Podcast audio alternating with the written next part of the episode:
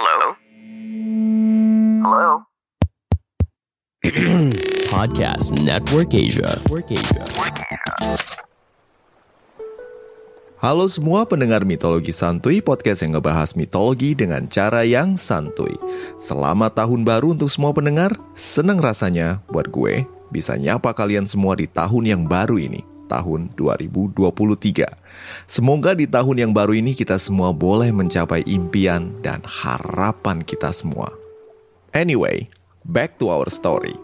So, Jason dan kru Argonaut berhasil melarikan diri dari Kolkis berkat aksi media yang tak terpuji namun efektif menghalangi armada Aetes untuk mengejar mereka. Sekarang kapal Argo berlayar melalui sungai Istros yang mengalir dari hilirnya di Laut Hitam untuk menggapai Iolcus dari arah barat.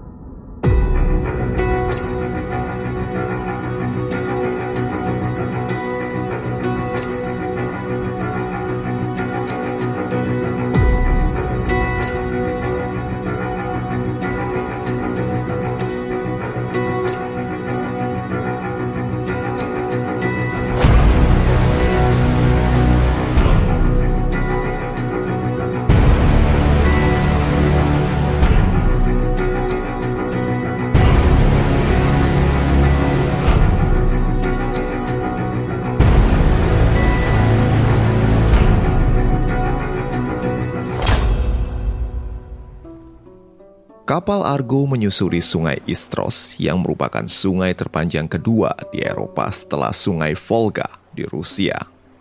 Sungai Istros atau Danube, sesuai dengan nama yang kita kenal sekarang, melintang dari muaranya di Laut Hitam, lalu terus melalui Eropa Tengah sampai ke Jerman dan berpindah ke sungai Rhine untuk mencapai pesisir barat Italia sebelum lanjut ke Iolcus di Yunani.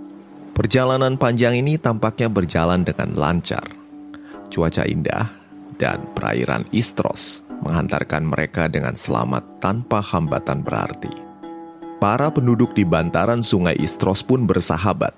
Dan seperti yang gue ceritain di episode yang lalu, Jason dan kru kapal Argo bahkan sempat membantu penduduk setempat membunuh seekor naga di Slovenia sekarang dan mendirikan sebuah kota yang bernama Ljubljana.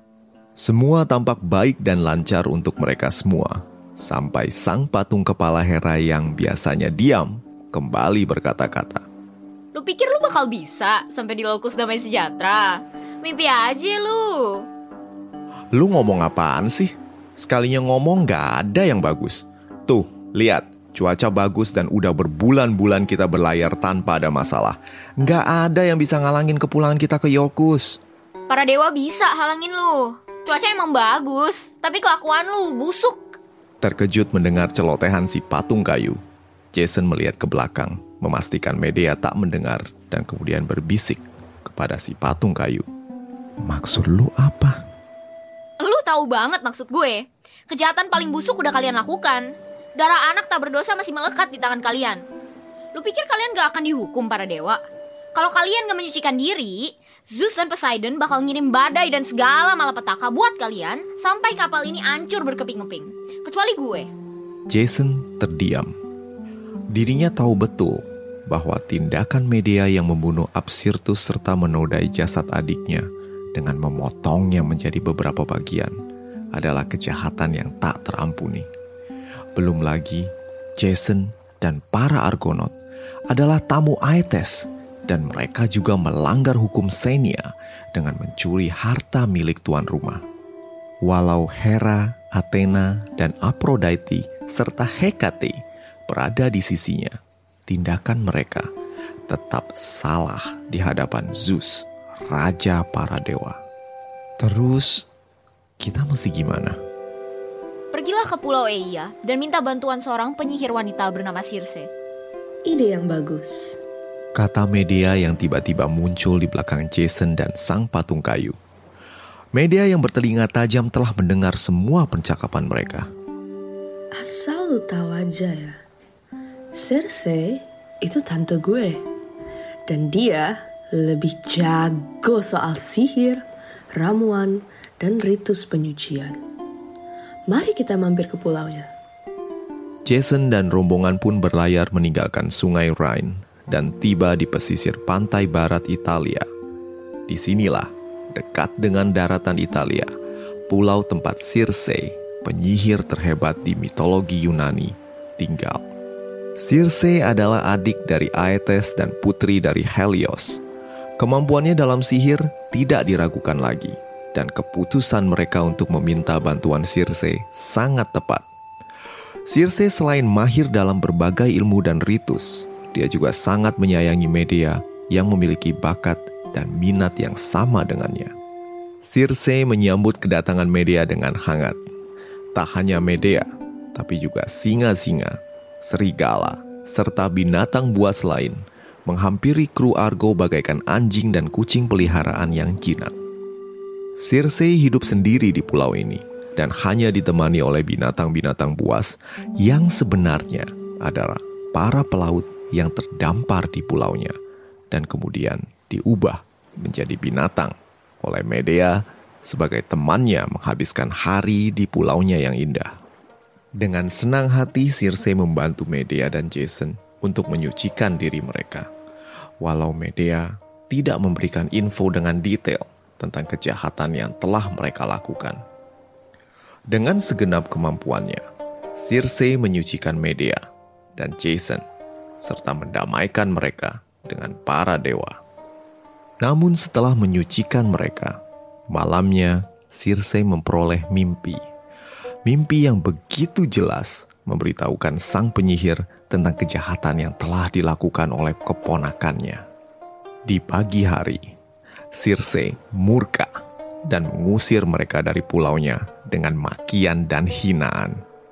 Demi para dewa, Absirtus itu adik kandungmu, keponakanku. Andai kita bukan keluarga, sudah kubunuh kalian semua. Pergi, jangan kembali lagi ke sini. Yang penting, kita udah dapat tujuan kita ke sini. Let's get the heck out of here. Kata media, seolah tak bersalah sambil menatap tantenya Circe yang mukanya merah dengan amarah. Kapal Argo pun berlayar ke arah selatan, menyusuri pesisir barat Italia. Rombongan Argonaut kini berada di perairan yang sejak dahulu terkenal sebagai rumahnya para siren. Siren adalah makhluk-makhluk mistis yang menghuni perairan di sekitar Italia dan Sisilia. Para siren umumnya berwujud wanita cantik berambut panjang dengan sayap atau digambarkan memiliki ekor ikan seperti Ariel dari film Little Mermaid.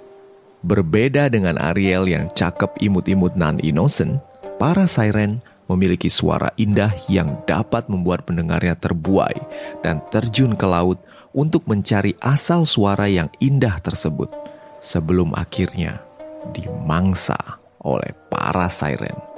Para siren sering mengakibatkan kapal karam karena suaranya yang indah dapat membuat para kapten kapal terbuai dan mengarahkan kapal ke batu karang, tempat para siren biasa duduk sambil menyisir rambutnya dan bernyanyi.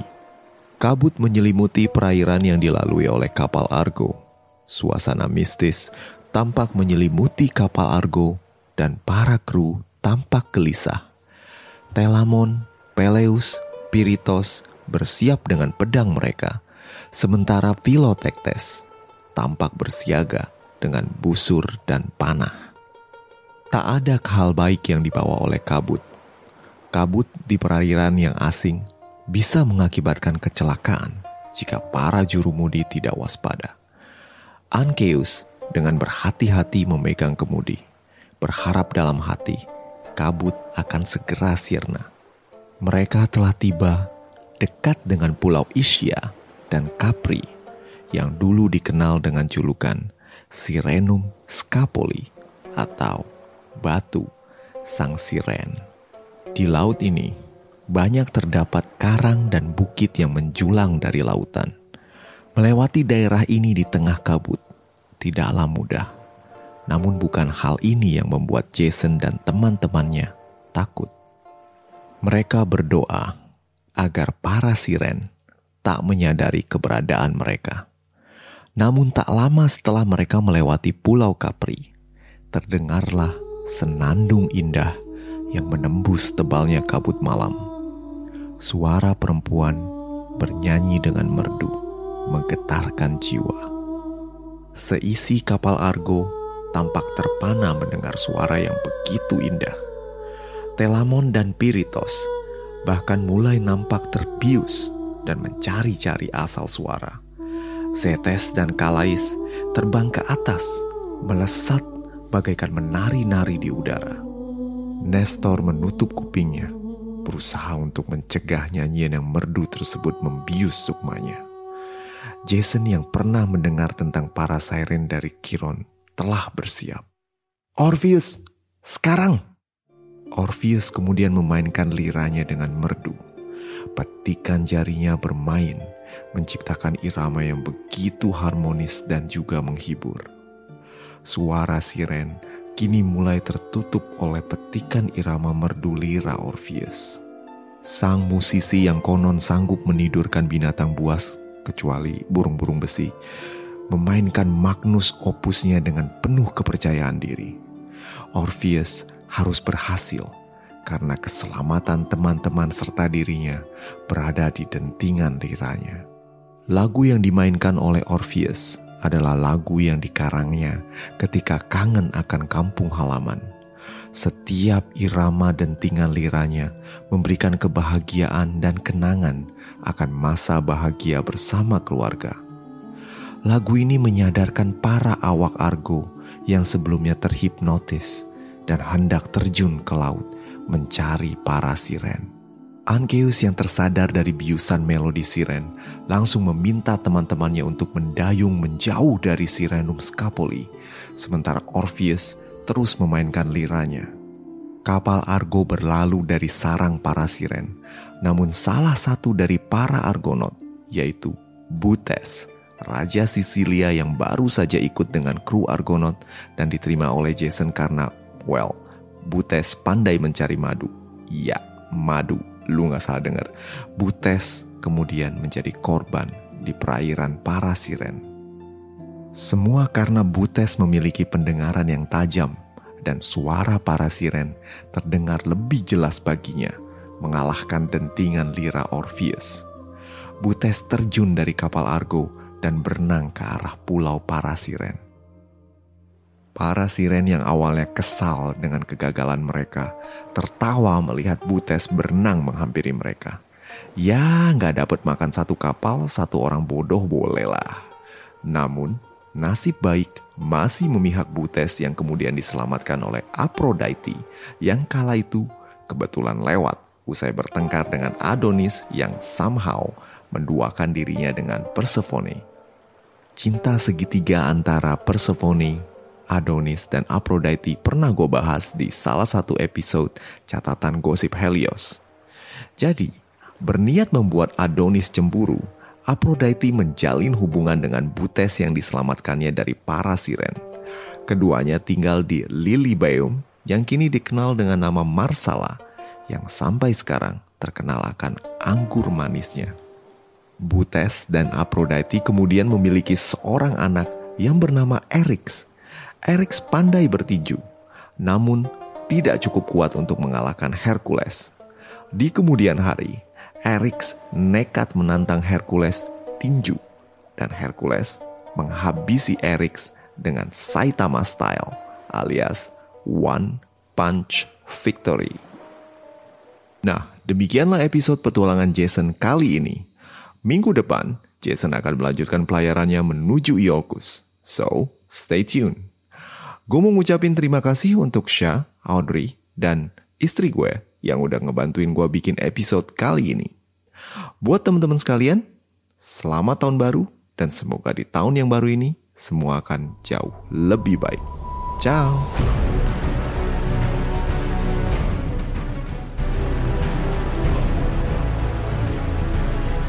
Pandangan dan opini yang disampaikan oleh kreator podcast, host, dan tamu tidak mencerminkan kebijakan resmi dan bagian dari podcast Network Asia. Setiap konten yang disampaikan mereka di dalam podcast adalah opini mereka sendiri dan tidak bermaksud untuk merugikan agama, grup etnik, perkumpulan, organisasi, perusahaan, perorangan, atau siapa pun dan apa pun.